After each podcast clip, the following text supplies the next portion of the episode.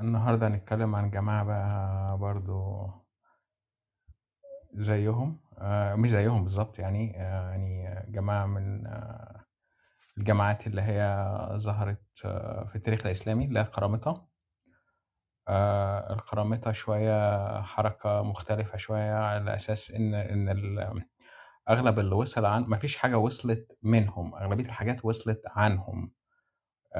رغم إن هي يعني أغلبيتها ضاعت أو كلها ضاعت فللأسف الشديد ما فيش حاجة وصلت آه، منهم. هو نووي بيروح ويرجع صح؟ مفيش مشكلة. طيب إحنا اتكلمنا الأسبوع اللي فات عن حشاشين وحسن الصباح. الموضوع يعني صعب وعشان نتكلم على تاريخ الحركات السرية والثورات اللي حصلت في التاريخ الإسلامي. آه، دايما في التاريخ الرسمي اللي بيكتبه المنتصر أنا بشوف دايما إن هو تمييع لحالة المجتمع الفعلية. وهو وهو تاريخ آه، أكتر آه، ثانية واحدة. تاريخ آه، تاريخ بينتج عنه ما بينتجش عنه فهم واعي للتاريخ ولا الحركات المجتمعية اللي كانت عايشة فيه. ولو ما فهمناش التاريخ مش هنفهم الواقع. وهندخل بقى في ثنائيات مسلمين وكفار ثورة دي ولا انقلاب. هل الخروج على الحاكم جائز ولا حرام؟ وفي الآخر ما بتفهمش حالة المجتمع كان شكلها إزاي. آه، آه، لما هناقش القرامطه النهارده مش مش ده مش انتصار أو دفاع عنهم ولا هجوم عليهم ولا طبعا وصفها بأنها اشتراكية يعني كتير قوي مستشرقين أوروبيين بيحبوا أو أوروبيين كانوا بيقولوا عليهم يعني إن هم آه، كانت أول حركة اشتراكية في التاريخ أو إحنا محتاجين بس كنا بنوضح ليه كان في قرامطه وحشاشين ومرجئة ومعتزلة وخوارج وثورة الزنج وغيرها اللي هنتكلم عنهم فيما بعد. آه، كان في مؤرخ عمل كتاب سنة 1980 اسمه هاورد زين أمريكاني. عمل كتاب مشهور هو كان هو كان هو كان ماركسي وفي آخر أيامه بقى أناركي. ليه مسرحية مشهورة قوي اسمها Marx in Soho أو ماركس في سوهو يعني. إيه، عمل كتاب سنة 1980 اسمه History of the uh, of United States أو التاريخ الشعبي للولايات المتحدة الأمريكية. من 1492 ل 1980 وبدأت بقى السيرة دي آه، تطلع بقى اللي هي People History of uh, of Civil War التاريخ الشعبي الحرب الأهلية الأمريكية التاريخ الشعبي للعلم التاريخ الشعبي للمسيحية التاريخ الشعبي لأوروبا القديمة التاريخ الشعبي لروما آه، فأنا بحب دايمًا الكتب اللي بتتكلم عن التاريخ آه، أو الناس اللي بتفسّر التاريخ آه، من وجهة نظر الناس العادية، من وجهة نظر الناس العادية أو ال ال الإنسان العادي. يعني مثلًا زي كنا اتكلمنا يعني لمّا اتكلمنا مع الدكتور خالد فهمي مثلًا اللي هو جاب تاريخ اللي هي ال ال في كتاب كل رجال الباشا، اتكلم على تاريخ المجند المصري اللي كان في جيش محمد علي.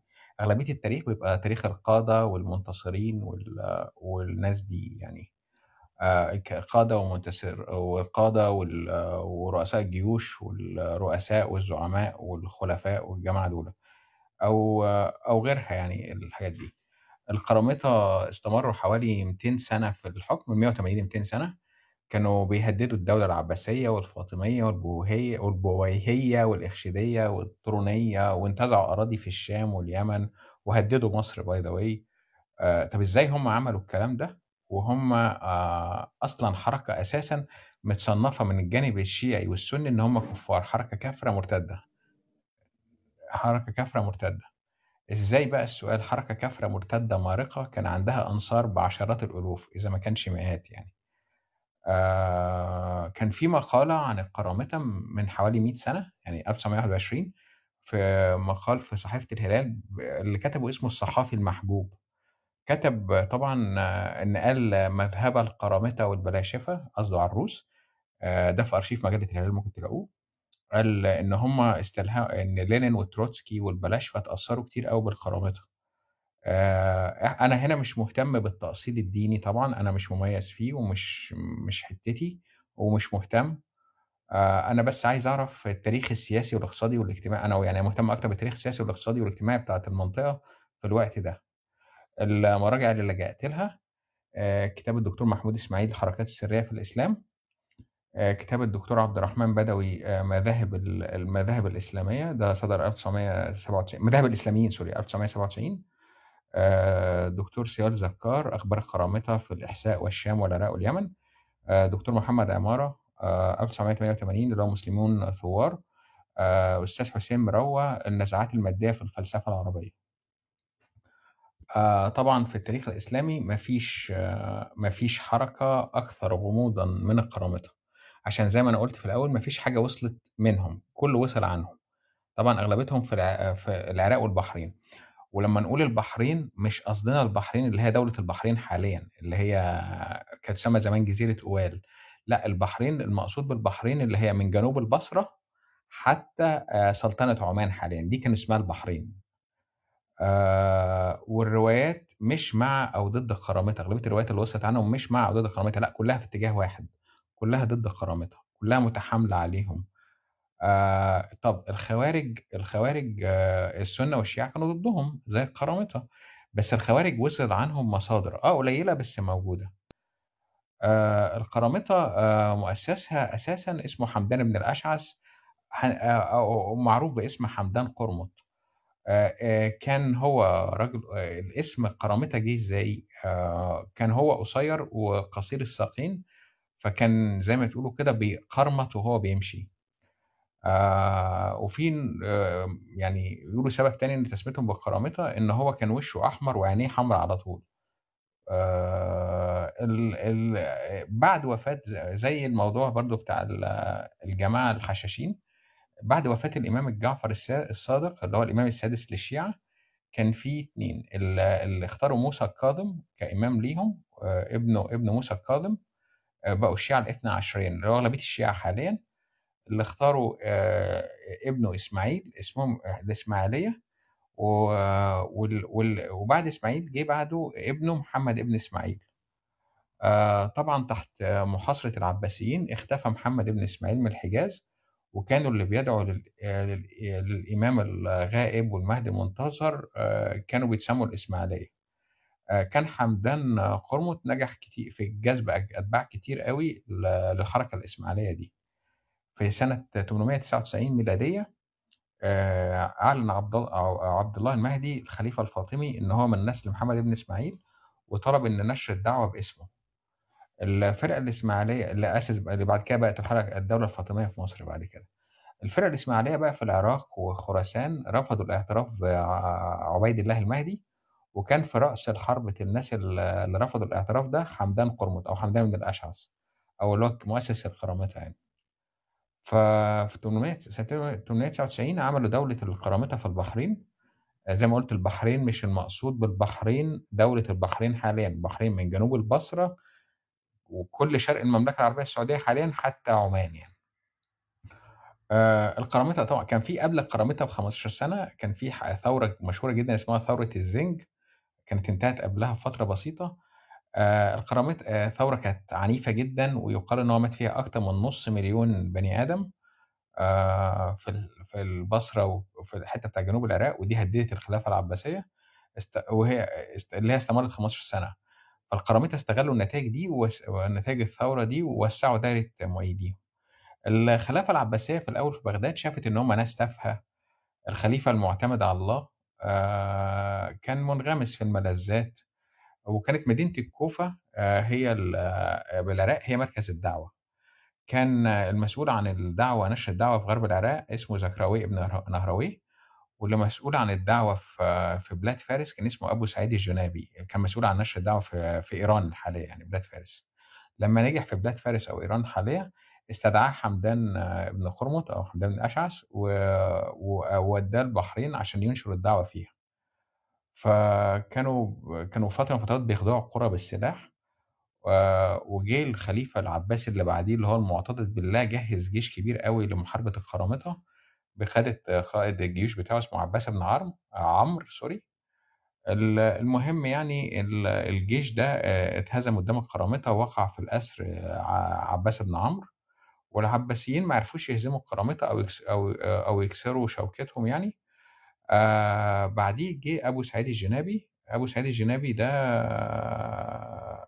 أبو سعيد الجنابي ده جه بعده sorry ابنه أبو طاهر الجنابي، وبقى وبدؤوا وبدأوا بقى بعديها يعتدوا على قوافل الحجاج والمعتمرين، وقل عدد الحجاج، وفي سنة 317 هجرية بالتحديد. علماء مسلمين كتير أفتوا إن ما من الأحسن ما حدش يحج في السنة دي عشان الأمن، لأن القرامطة كانوا كتير بيعتدوا على قوافل الحجاج والمعتمرين. فأبو طاهر الجنابي ده بقى اتجنن فجأة وقرر بقى إن أنا هاقطع مش هاقطع الطريق على الحجاج، لأ ده هاجم مكة نفسها ونزع ستار الكعبة و وخد بابها ونزع الحجر الأسود، وقعد الحجر الأسود مع القرامطة بين 20 و22 سنة. آآ ودي كانت حادثة دايمًا كل المؤرخين بياخدوا عليهم إن هم يعني إن هم كفار بسبب الموضوع ده. العباسيين اضطروا الدولة العباسية يعني اضطرت تعمل عهدة مع القرامطة ويدفع دفعوا لهم 120,000 دينار ذهبي. آآ وفي عام 337 بعد 20 سنة، قُلت سنة 317 هجرية آآ خدوا هاجموا هاجموا على مكة وخ نزعوا الحجر الأسود. آآ في سنة 337 هجرية وبعد وساطة شاقة جدًا العباسيين رجعوا الحجر الأسود للكعبة بعد ما دفعوا أموال آآ كتير ل للقرامطة. آآ القرامطة سقطوا إزاي؟ أبو الطاهر الجنابي ده رأى في شاب لقى شاب فارسي كده قال إن هو شاف فيه كده إن هو إيه، إن هو ده المهدي المنتظر وبايعه، وفي خلال 80 يوم الشاب ده أمر بقتل كل عان القرامطة، وكان بيسب الرسول والأنبياء كلهم والأديان. وكمان فده آآ يعني عمل مشكلة آآ جوّه جوّه دولة القرامطة نفسها، وكمان بقى هم دخلوا حرب ضد الفاطميين اللي هم شيعة إسماعيلية زيهم، و وبالأخص طبعًا آآ ضد الخليفة المُعز الدين الله الفاطمي. آآ وبعد كده في نُص القرن الخامس الهجري بعد تأسيسهم ب200 سنة استطاع العوينيين دي قبائل عربية في عمان، دولة في عمان يعني، معاهم تحالف قبائل عربية أخرى ودي ذكرها ابن خلدون بني ثعلب وبنو عياش والسلاجقة والعباسيين كلهم اجتمعوا على القرامطة وهزموهم بعد تقريبًا من 180 ل200 سنة من حكمهم. طب إزاي السؤال هنا، إزاي حركة دموية وحشية كافرة عند السنة والشيعة جذبت عشرات الآلاف من الأنصار واستمرت لمدة ت يعني قرّبت من 200 سنة؟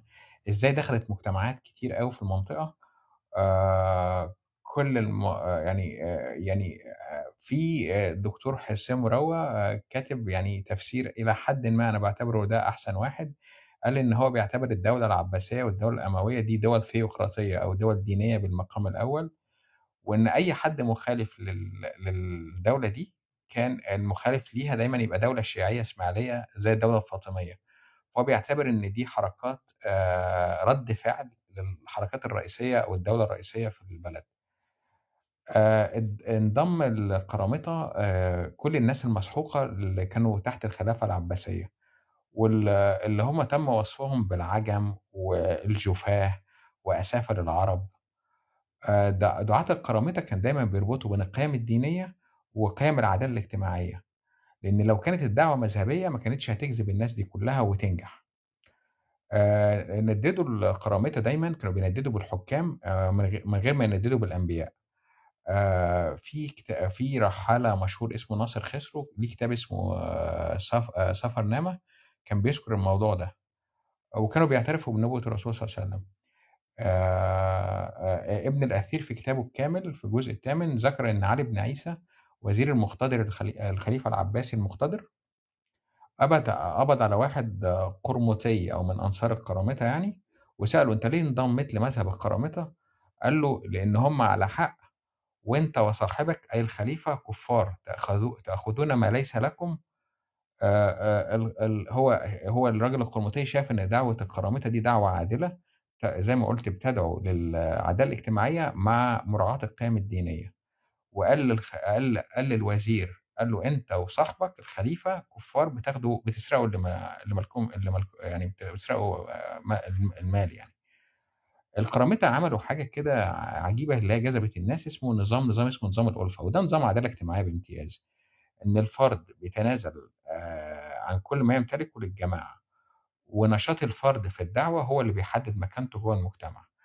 النويري في كتاب نهاية الأرب آه، ذكر نظام الألفة وأشاد بيه جدا وقال إن أهل القرية والمدينة كانوا بيجتمعوا وبيجمعوا كل ما يمتلكوه عند رجل من آه، من ثقات القرية ويتم توزيع الأدوار في المجتمع وكان بيتكلم على مكانة المرأة العالية جدا جوه المجتمع المجتمع القرامطة وكانت المرأة غالبا بتع... بتع... بتعمل في الغزل. آه، دكتور محمود إسماعيل في كتاب الحركات السرية في الإسلام بيقول إن ال- القرامطة استلهموا أفكارهم من الفلسفات الشرقية والغربية اللي هي آه، مع عدم تعارضها مع الدين الإسلامي. فكان بيقول مثلا استلهموا كتير قوي من الجمهورية لأفلاطون و- والمعلم التاني الفارابي اللي هو كان بيتكلم عن المدينة الفاضلة وكان قبلهم رسائل إخوان الصفا كانت موجودة. آه وهم ال ال لو أفلاطون كان بيحط دايما المدينة في ثلاث طبقات الحكام والحراس والعمال. والثلاث طبقات دي بتكفل السعادة للجميع. آه آه آه ابن حوخل وبرنارد لويس وقالوا الكلام ده انعكس كتير قوي على كرامتها. آه يعني مثلا السلطة كانت عند الكرامطة بإيد طبقة مستنيرة آه وكان معاهم مستشارين بيسموا العقدانية أو أهل الحل والعقد هم دول معاهم مقاليد الحكم الحراس أو شؤون القتال لو خدناها بالنظرة الأفلاطونية كان جماعة خاصة من المحاربين كان بيتم إعدادهم من وعنده 12 سنة من الطفولة العسكرية وبيتعلموا الفروسية. وإن المقريزي قال إن الجماعة المقاتلة في الإحساء اللي هي شرق المملكة العربية السعودية حاليا كان عندهم 20 ألف مقاتل على الاستعداد للتضحية من أول ما الولد يتم 12 سنة. العمال ناصر خسرو آه، في سفر نامة قال إن في 30 ألف آه آه، طبعا ال- ال- اللي هم الحراس كانوا دايما بي يعني بيتزرع فيهم الشجاعة. العمال كان بيتزرع فيهم التفاني في الشغل. ناصر خسرو في سف... في سفر نامة قال إن 30 ألف كانوا في 30 ألف بيعملوا في الإحساء في الزراعة وشق القنوات وزراعة النخيل وإن أي صاحب صناعة بينزل عند القرامطة باللغة ال- الدارجة يعني مثلا entrepreneur واحد لسه جاي لهم جديد كانوا بمحل ترحيب كبير كبير منهم وكانت المرأة بت... بت... زي ما قلت كانت بتحظى بوضع مميز في المجتمع مجتمع القرامطة. آه، ال- البحيري كان دايما بيتكلم إن دايما مجتمع القرامطة كان بي- بيوصمه بإن دايما كان مجتمع فيه مشاعة جنسية إن ال- ال- الستات بتتوزع على الرجالة والكلام ده. بس الكلام ده في حد رد عليه. آه، أغلبية المؤرخين والكتاب المسلمين كانوا دايما متحاملين قوي على كرامتها يعني الدكتور عبد الرحمن بدوي في كتابه مذاهب الإسلاميين آه، اللي هي فيها المعتزلة والنصيرية والقرامطة وكده كان بينقل بينقل النصوص اللي بتهاجمهم وقال إن كل الحركات الباطنية خطيرة وعنيفة بس ما قدمش نقد ليه هي عنيفة. آه، موضوع المشاعر الجنسية اللي ذكروا كتير منهم ومن أهمهم النويري ومنهم كمان القاضي عبد الجبار المعتزلي الكبير. ذكر الموضوع بتاع المشاعر الجنسية. بس ال- ال- ال- اللي ذكر عنهم آه، ناصر خسرو اللي هو في كتاب سفر نامة إن هو زار عاصمة القرامطة في الإحساء و- وهو قال أنا عشت وسطهم تسع شهور. هو اتكلم على كل الإيجابيات والسلبيات اللي شايفها في القرامطة الإيجابيات آه، قال مثلا إن هم ما بياخدوش عشور من الرعيه يعني ما بياخدوش يعني زي ضرائب من ال من ال الناس الفقراء ولو حد وقع في دين كانوا بيدعموه حد يعني بالبلدي حتى يقف على رجليه يعني. وكل غريب أو صاحب حرفة أو صناعة يدخل البلد يدعم بالأدوات حتى ينهض و- ويقدر يسد الدين اللي عليه. وقال كمان إن هم كان لديهم عبيد 30 ألف عبد. آه، ودي طبعا عشان لو حد عايز ينفع عنهم فكرة الاشتراكية يعني. إن هو كان العبودية كانت موجودة عندهم. والمطاحن كانت مملوكة للدولة وكانت تطحن الحبوب وتقدمها مجانا. ما كانش في مسجد أو أو تقام صلاة جماعة في دولة القرامطة في الاحساء لكن لو حد صلى ما حدش بيمنعه لكن هم جنرالي ما بيصلوش وما بيشربوش خمرة برضه. طبعا الإمام الغزالي حاجة الإسلام الغلا- غزالي آه، يعني خد القرامطة غسيل ومكوى في فضائح الباطنية وزي ما اتكلمنا عليه في الحشاشين هو خريج المدرسة النظامية بتاعة وزير نظام الملك.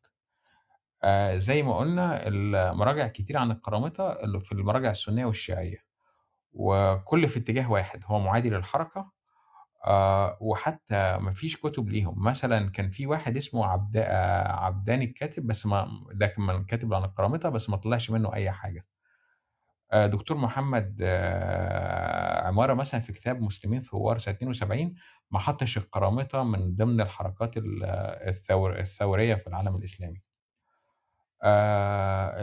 المقاربات التاريخية اللي ممكن تاخدنا مع القرامطة في الوقت الحالي إن الغضب والثورة والجوع والفقر واحد يعني لما يجتمع يعني الجوع والفقر والغضب آه، ممكن تحصل حركات زي زي آه، تحصل حركات زي الحشاشين والقرامطة وغيرهم آم، الدولة العباسية قلنا زي ما هي كانت دولة ثيوقراطية وطبعا.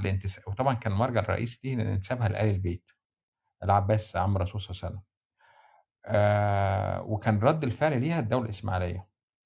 النقطة النقطة المهمة إن كان في الدولة العباسية العصر العباسي الثاني كان في غياب لمركزية الدولة.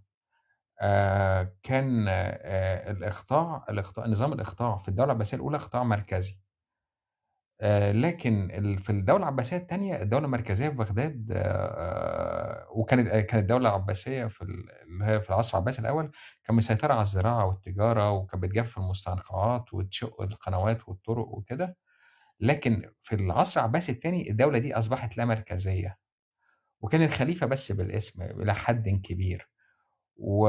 وكان في كتير قوي من الجنود السلاجقة اللي هم بقى اللي هم أتراك يعني كانوا آه، في أمراء وقواد كانوا آه، كانوا بي... بياخدوا الضرايب والجباية من الفلاحين واشتكى الفلاحين من الموضوع ده فده آه، ممكن جدا يظهر إن الدولة اللي كانت مركزية في العصر العباسي الأول وبقت لا مركزية في العصر العباسي الثاني أدت إلى ظهور حركات زي الحشاشين والخرامطة بعدين لأن لأن الدولة ما بقاش ليها اليد الطولة آه، في التحكم في الاقتصاد في الحتة دي.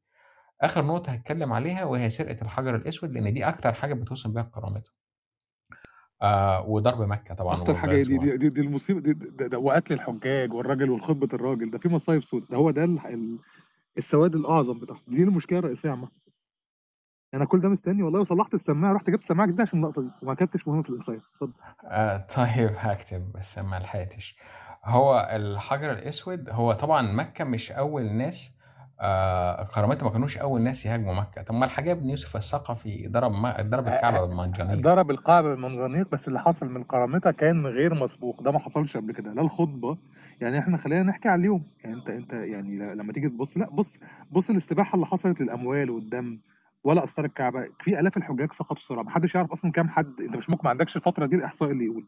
بركه الدم كانت مغطية الحرم واذكت مكه من جوه. صيحاتهم وال- وال- والصخير من الحجارة ولما سخروا من الطير الأبابيل لما هم حاولوا يكسروا الكعبة نفسها لما اكتفوا إن هم يقلعوا الحجر. لأ المنظر كان مرعب جدا جدا. لما وقف لما وقف أبو الطاهر القرمطي وقال أنا بالله وبالله أنا يخلق الخلق وافنيهم أنا. يعني لأ ال- الخطبة بتاعته الكلام اللي كان بيحصل ال- اللي حصل ساعتها يا أحمد ما كانش ما كانش عادي. الوصمة اللي اتوصمت ساعتها في أكتر من 700 فارس دخلوا الكعبة على حين غرة في يوم حرام في شهر حرام في وقت حرام في مكان حرام وقتلوا الناس ووقفوا خطبوا واتكلوا على الله كان يعني يعني لأ اللي حاصل من من الحجاج بن يوسف الثقفي حاجة واللي حاصل من الكرامات حاجة تانية خالص. اتفضل. آه، آه، أنا طبعا مش بدافع عنهم ولا عايز ادافع عنهم ولا الكلام ده أنا بديك تفسير اقتصادي واجتماعي للموضوع ده أو اقتصادي وسياسي في حتة ضرب الكع اللي هي مهاجمة مكة والبيت الحرام ونزع الحجر الأسود وإن هم يشيلوا باب الكعبة ويشيلوا استار الكعبة والكلام ده. آه، بس هم مش أول مش أول ناس يهاجموا آه، مكة أو البيت الحرام. آه، هم لا كانوا في لا لا لا استنى الحجاج الحجاج يا أحمد الحجاج كان مختلف الحجاج مختلف الحجاج دخل جوه عشان شكل سياسي طب خلينا عبد الله بن الزبير. كمل أنا آسف. طيب ثورة الثورة آه.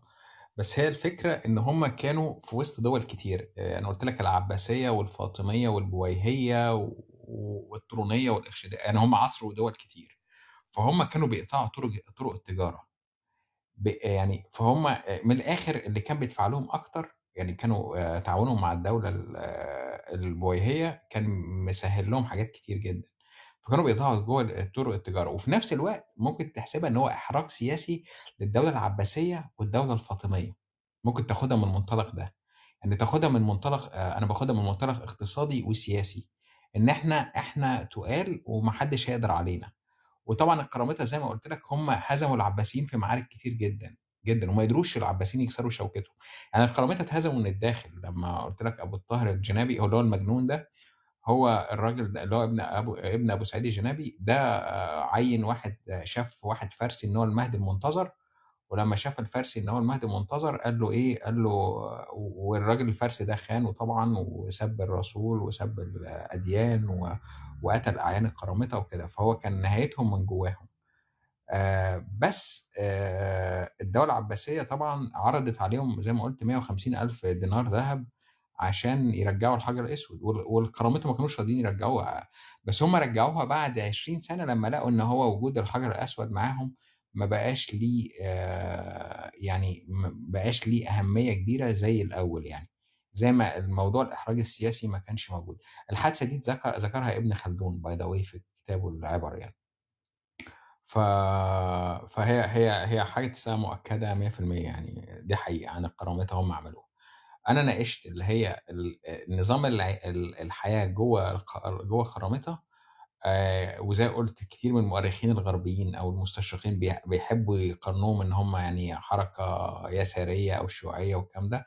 طبعا الكلام ده كلام فاضي.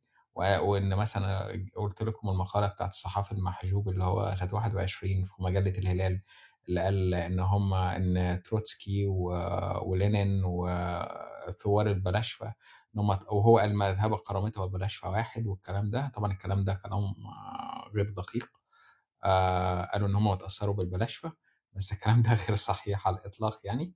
آه بس هم طبقوا نظام الألفة اللي هو نظام قريب قوي من نظام العدالة الاجتماعية إلى حد كبير جدا. آه ده باختصار أنا جبت كرامتها من المنشأ للنهاية. يعني حاولت على قد ما أقدر يعني أختصر على قد ما على قد ما أقدر. اتفضل دكتور شريف. آه، صباح الخير عليكم. أنا أنا طالع أدافع عن كرامتها بصراحة لأن أنا بحبهم جدا. آه، أعتقد إن هم مظلومين تاريخيا لأن ما تنسوش إن إن زي ما أنت قلت يا أحمد إن هم ما فيش أي حاجة عنهم آه، من من- منهم. كل كل الكلام اللي اتقال عليهم من أعدائهم. بس في واقعة تاريخية لازم يعني نحترمها. إن هم حكموا تقريبا 200 سنة. فحكاية إن هم كانوا شوية صيع بحراميه آه، يعني آه، غير واقعية. دول ناس أنشأوا دولة استمرت ز- حوالي تقريبا 200 سنة. آه، زي ما قلت كانوا بيتكلموا كتير جدا عن العدالة الاجتماعية. هم فعلا آه، يعني آه، ممكن تسميها حركة أناركية حركة آه، ضد ضد ضد ضد الدولة المركزية. يعني هو كانوا ضد ضد الدولة العباسية. الدولة العباسية كانت بدأت تتأثر تت- تتحكم فيها يتحكم فيها الأتراك. وهم ده كانوا كانت حركة عربية يعني كانوا كانوا أساسا عرب فقراء جدا. ويمكن من أهم الشخصيات ال- ال- ال- الناس مش عارفاها يمكن إن المتنبي كان من القرامطه يعني واحد من من أهم الشخصيات في التاريخ العربي كان هو طلع من المنطقة دهيت وعلى حسب كلام طه حسين في كتابه مع المتنبي إن هو آه، غالبا كان من القرامطه فهو ال- ال- ال- الظلم إن إحنا بنسمع بس عنهم من أعدائهم لأن هم ما فيش ما تسابش أي حاجة من أخبارهم. بس الواقع إنه هي كانت حركة آه، آم، متمردة عن عن ال- الحكم العباسي وقدروا يستمروا لفترة طويلة جدا. ف, ف والواقع التاني إحنا ما عندناش أي أخبار عنهم منهم خالص كلها من أعدائهم. فلازم نبص للتاريخ يعني نحاول نطلع منه ال- الحاجات ال- اللي ممكن نستخرجها من غير ما نتأثر بكلام أعدائهم عنهم يعني. أه، بس هم بالتأكيد كانوا كانوا حركة إسماعيلية وكانت حركة عربية وكانت حركة متمردة. أه، بس دول ثلاث كلمات كنت عايز أقولهم. بس يعني أه، بصراحة سواء هم أو ثوره الزنج الحركات دي كلها مظلومة جدا في التاريخ ولكنها كانت حركات الشعوب بدأت تت- تتنور وتتمرد على ال- الحكم المستبد آه، وفي الآخر خسروا فما سمعناش منهم غير كل الكلام الوحش يعني بس كده شكرا طيب هو أنا هو محدش بيهاجم ولا بيدافع. اتفضل. لا أنا عايز أقول كان فعلا الفترة دي يعني مثلا الحلاج آه، الصوفي الشهير يعني آه، اتهم بان هو من اتهم بالقرمطه أو إن هو من القرامطة وده ابن الراوندي اتهم إن هو من القرامطة برضه. كان أي حد يعني يبقى مخالف للدولة كان بيتهم بقرامطة. آه، اتفضل يا نوي سوري. لا هو أنا بس بقول إن إحنا ما ينفعش نحكم على حد إذا كان كويس ولا وحش. طبيعي المهزوم التاريخ بينقل لنا أخبار السيئة بس. لكن في أحداث ما ينفعش تحكم عليها بشكل تختلف عليها يعني. يعني ايا كان اختلافك السياسي فأنت في الآخر وفي الأول مفترض إن أنت حركة جوه نطاق الدولة الاسلام أو جوه نطاق الإسلام. إيه اللي يدفعك إنك تروح تهد الكعبة؟ عشان إيه طيب؟ يعني إيه المذهب أو إيه الشيخ أو إيه الطريقة اللي ممكن تهد بيها كعبة وتروح تهاجم ناس مسالمين عزل من السلاح عشان خاطر تثبت إن أنت قوي؟ في حاجات ما تبررش. في أشياء ما فيهاش تبرير. يعني في حاجات بالنسبة لي الموضوع فيها ما فيهوش كلام كتير حتى بعيد عن موضوع الإسلام وبعيد عن موضوع الدين. أنا مش فاهم أنت ليه بتهاجم على ناس عزل عشان تثبت قوتك؟ وبتتكلم بالله وبتها... يعني لأ في في جزء كده فيهم هو ده اللي عندي فيه مشكلة. الباقي بقى ممكن نتكلم فيه زي ما إحنا عايزين. وزي ما حضرتك قلت وزي ما أحمد قال ما عندناش غير ناس بيحكوا عنهم لكن هم نفسهم عقيدتهم كانت باطنية شديدة للغايه مش ما تعرفش منها أغلب التفاصيل ما وصلناهاش من وأتمنى لو حد عنده تفصيل ليها يبلغنا بس. ازيك يا إسلام؟ عامل إيه؟ بس يعني معلش كلمة أخيرة. هم كانوا حركة سياسية أكتر منها دينية. يعني هم ما كانوش الدين بالنسبة لهم ما كانش المشكلة. هي كانت حركة سياسية تمرد على الوضع السياسي. أنا بقى هبطل على كده. ماشي. براحتك. هو هو أتفق مع دكتور شريف في النقطة دي. هو فعلا هي حركة مش دينية بمعنى دينية. ممكن تقول ردة فعل على أنا ببص أنا باخدها بتحليل سياسي اقتصادي اجتماعي. ماليش دعوة بالتحليل الديني خالص. نهائيا. اللي عايز يقول عليهم كفار يقول عليهم كفار. براحته هو فعلا آه، ناصر خسرو اللي هو في سفر سفر نامه لما هو كان رحاله وكان عاش في القاهرة فترة وهو هو أكتر واحد ممكن آه، آه، أصدق آه، روايته حتى عن روايات المحدثين ده الدكتور محمد عمارة والدكتور عبد الرحمن بدوي لما كانوا يعني الدكتور محمد بدوي ما كانش منصف خالص في في بصراحة في كتاباته ضد عن كرامتها كان ضد كرامتها بس هو قال هم ما كانوش ما لا يوجد لديهم مسجد وما كانوش آه، بيصلوا آه، لا تقام صلاة بس قال اللي كان بيصلي ما كانش حد بيتكلمه يعني كان عادي بيصلي. آه وقال كمان ونفى طبعا موضوع المشاعر الجنسية اللي اتهموا بيه اتهموا بيه واتكلم العكس ده قال اتكلم على دور المرأة آه دور المرأة في مجتمع كرامتها انها كان دورها مميز جدا جدا يعني. فهو آه النقطة دي يعني إحنا مش هو بندافع ولا بنهاجم ولا بتاع خالص خالص. يعني عشان بس بس هو بشكل واضح يا أحمد أي حركة باطنية بتتميز بشوية حاجات كده. يعني دايما حتى الدروز دلوقتي موجود في لبنان لو جيت سألت حد على الدروز هو في دايما ارتباط بإن في حفلات جنس جماعي بتتم وإن في ستات بتتوزع وإن في خمرة. يعني هو ده, ده دي حاجات مشهورة في أي حركة باطنية. طالما إحنا قاعدين ساكتين فأكيد الماسونيين في كلام عليهم إن هم ليها علاقة بطقوس جنسية بتتم. كل الحركات الباطنية مرتبطة بطقوس جنسية. يمكن لأن البني آدم بيح... يعني يعني لأن أغلب اللي بيسردوا التاريخ رجالة وأغلب الرجالة اللي زي حالاتنا كده هو بالنسبة له الناس قاعدة في أوضة ضلمه رجالة وستات بيعملوا إيه؟ فهو ده المنطق عادي يعني. أنا مش ضد يعني أنا ما أعرفش إيه اللي كان بيحصل جوه التميز الجنسي اللي كان بيحصل ما عنديش فيها رؤية. بس هو كل الحركات الباطنية ليها علاقة بالستات. لازم يكون في ستات بتتوزع وبتوزعوا في أيام معينة. ما أعرفش بتوزعوا ليه وبتوزعوا على انهي أساس. بس ده موجود على طول يعني. هل بقى ده كان بيحصل ولا لأ؟ أنا ما أعرفش. أنا ما حدش وزع عليا حاجة وما خدتش حاجة. اتفضل يا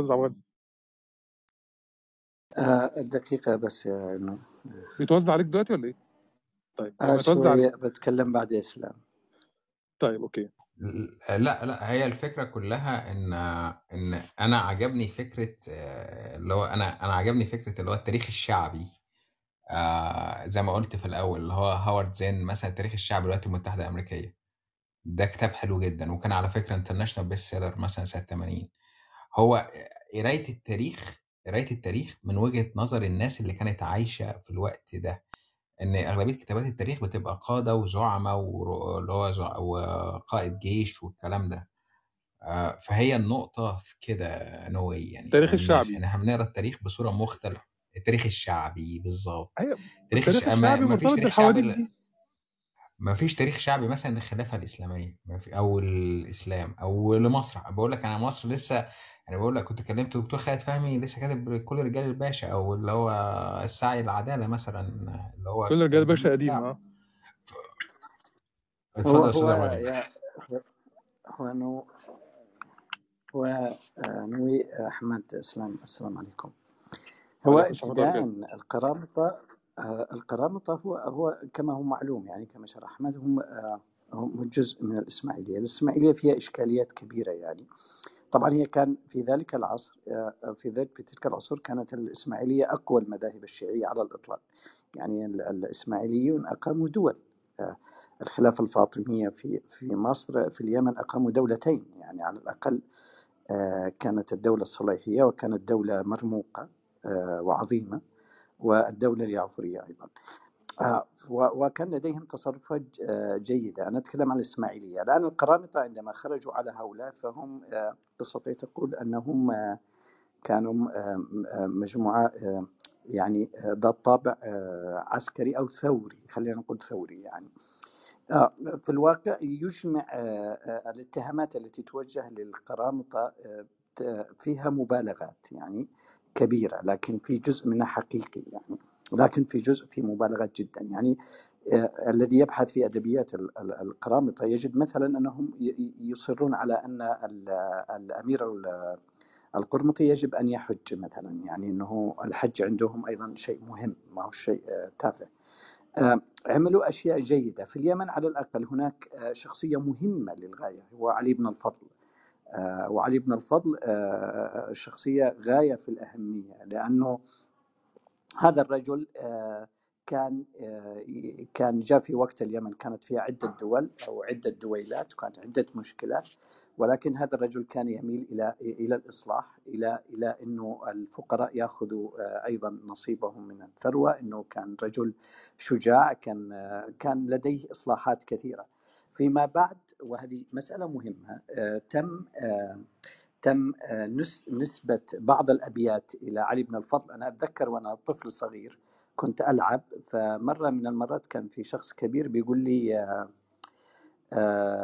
يعني كنا بنلعب وبعدين كنا بنستريح في اللعبة فجيت سيرة علي بن الفضل. فقال علي بن الف- الفضل كان شخص عظيم ولكنه في الأخير يعني بما معنى أنه حل زواج ال- ال- الأب يتزوج ابنته ال- ال- الرجل ينكح أمه آه، بهذا الشكل كان موجود. وطبعا تعرفوا الأبيات المشهورة التي نسبت إليه اللي هي آه، بدايتها آه، خذ الدفة يا هادي واقربي واللي فيها تول تولى أو تولى نبي بني هاشم وهذا نبي بني عربي لكل نبي مضى شرعة وه- وهنا شرعة هذا النبي مش يعني قصة هكذا. فقط حط, عنا فروض الصلاة وفرض الصيام فلم نتعبي إلى آخر ال- الأبيات اللي فيها اللي فيها استباحة أو إنه آه، في في آه، يعني إن الواحد ممكن يزوج بنته لأنه هذا من غرسه يعني.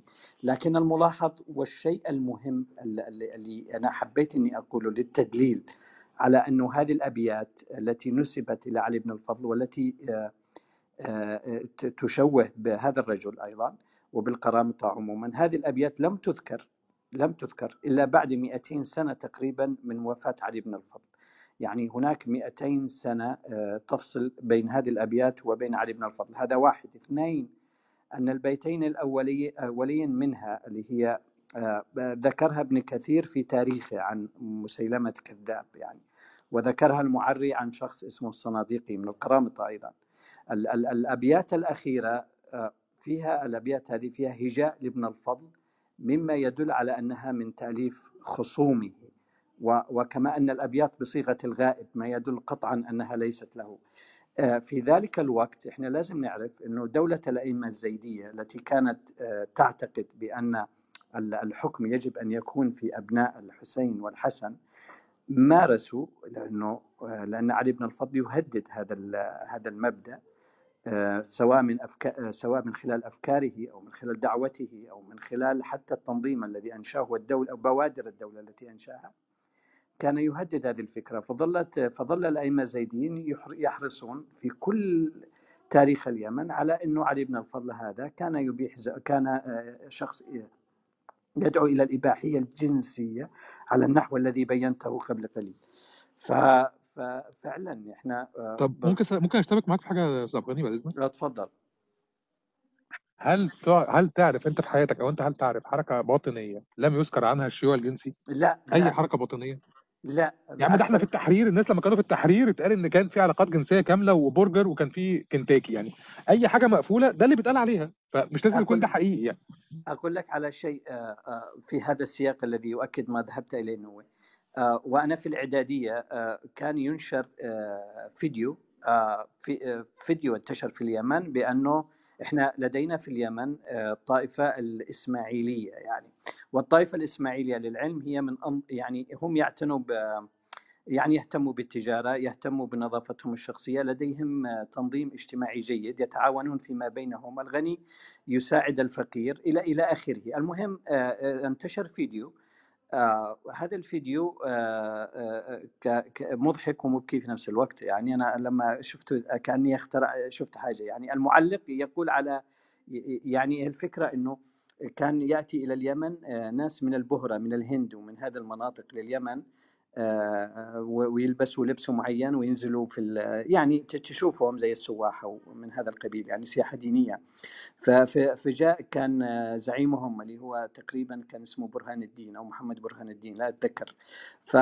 فالفيلم هذا يجيبوه يعني وفي ناس بي- بيحملوا بعدين يقول لك المعلق هكذا ويحمل عرش ربك يومئذ آه، ويحمل آه، عرش ربك فوق ثمانية مثلا هم ثمانية أشخاص مثلا. ويقولون أن هناك ليلة آه، يتم فيها إطفاء الأنوار. وطبعا يكون الرجال موجودين رجال جميع الطائفة ونسائها وعندما تطفأ الأنوار يقع هذا على تلك أو مش عارف إيش كل واحد يعني آه، يشوف نفسه يعني. فهذه بتتكلم عن الآية القرآنية بتاعت آه، ويحمل عرش ربك فوقهم يومئذ ثمانية؟ اي اي تمام شكرا إنه- إنك فبس هذا من المعلق الذي يعمل الفيديو هو ذهب إلى هناك من أجل زيارة المنطقة في اليمن اسمها حراز يعني. آه، الفكرة إنه فعلا كما قلت إنه هذه الفكرة إنه اتهام هذه الجماعة بالإباحية هذه موجودة آه، موجودة اتهام لكن على سبيل الواقع لا لا نعتقد ذلك يعني يعني لم يحصل يعني آه، يعني لم يثبت بأي دليل أن هذا حصل يعني لكن الاتهام هذا موجود. هو يشبه فكرة مصحف فاطمة مثلا. آه، اللي كل الناس عارفين إن في مصحف فاطمة بس لحد الآن ما قد ظهرش ف... ف... فهذا اللي اللي اردت أن أقول لك إنه في هذه الليلة التي تطفى فيها الأنوار يحصل ما يحصل. آه، ف... فهذه موجودة. إلى إلى التسعينيات كان هذا الكلام موجود. ولا يزال. الفكرة إنه لو للق- للقرامطه هو كان هو كان تنظيم عنفي عنفي آه، آه، كان آه، كان عندهم قدرة على أنهم يقتلوا باسم المبدأ الذي هم بيناضلوا من أجله يعني. والجماعات العنفية السو- هي هي تتخذ مبادئ جيدة يعني. هو مش مطلوب إنه يقول لك أنا الشيطان وأروح أقتل لا لا هو يقول لك أنا ملاك وسأقتل يعني. المسألة بسيطة جدا. فهم كان عندهم هذه الفكرة وكان عندهم ميل إلى سفك الدماء ببساطة يعني ب ب ب هذا لا يمنع إنه كان لديهم إيجابيات معينة لكن في, في لأنهم جماعة ثورية لم يكن العقل لديهم أو لم يكن العقل له محل عندهم. يعني هذا اللي احببت اني أقوله يعني. طيب عشان بس في حاجات في و الإنسايت معلش يا أحمد بتتكرر كتير كده ليها علاقة بإن في توضيح واضحات وإن في أستاذ علاء الدين. آه بالظبط أستاذ علاء الدين. آه آه ما أنا هرد عليه بس هرد عليه. أستاذ علاء أنا عندي حاجتين يا إما أنت شايف إن إحنا بنسوق حركات وبنطبع معاها أنت ممكن جدا تطلع أنا شايف إن أنت لو هتجاهد في سبيل الله تطلع تفضحنا وهذا يعني أمر حميد. حلو كده؟ تاني حاجة أنت قلت تعليقك وكتبته في الشات وأنا هسمحك مش هخليه يعني مش هطردك خالص مش همسح التعليق.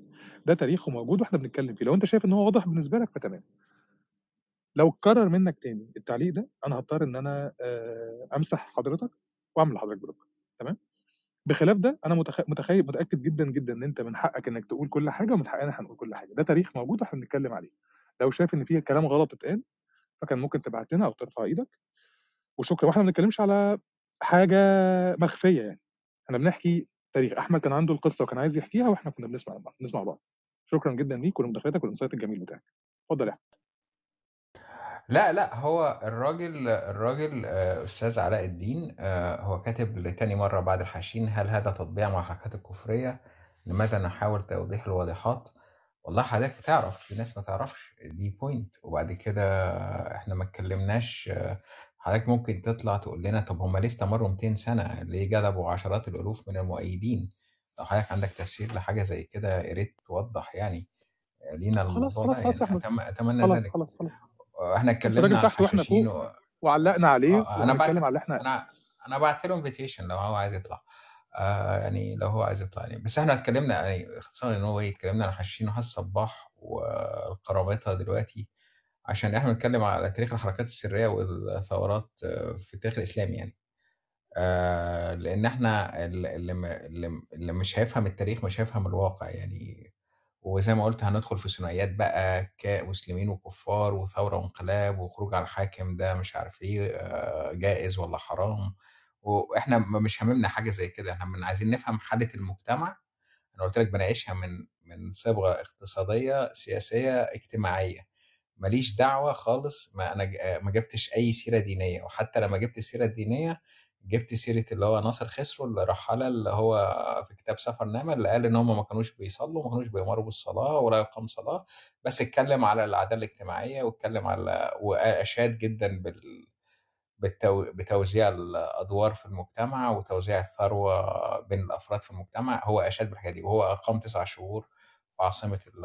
قرامطة في الإحساء يعني. خلينا نتجاوز أستاذ علاء الدين لأن هو في الشغل الراجل في الشغل بيقول لك أنا مش عارف أعلق وخلاص الراجل قال وجهة نظر وأنت علقت عليها وأعتقد التعليق ده كافي لأي حد بعد كده عايز يسأل السؤال ده. ممكن يرجع لل- للحدوتة دي يعني يرجع لها. ممكن نبقى نسجل الدقيقة دي حتى نقطعها ونحطها على القناة ونحطها على يوتيوب.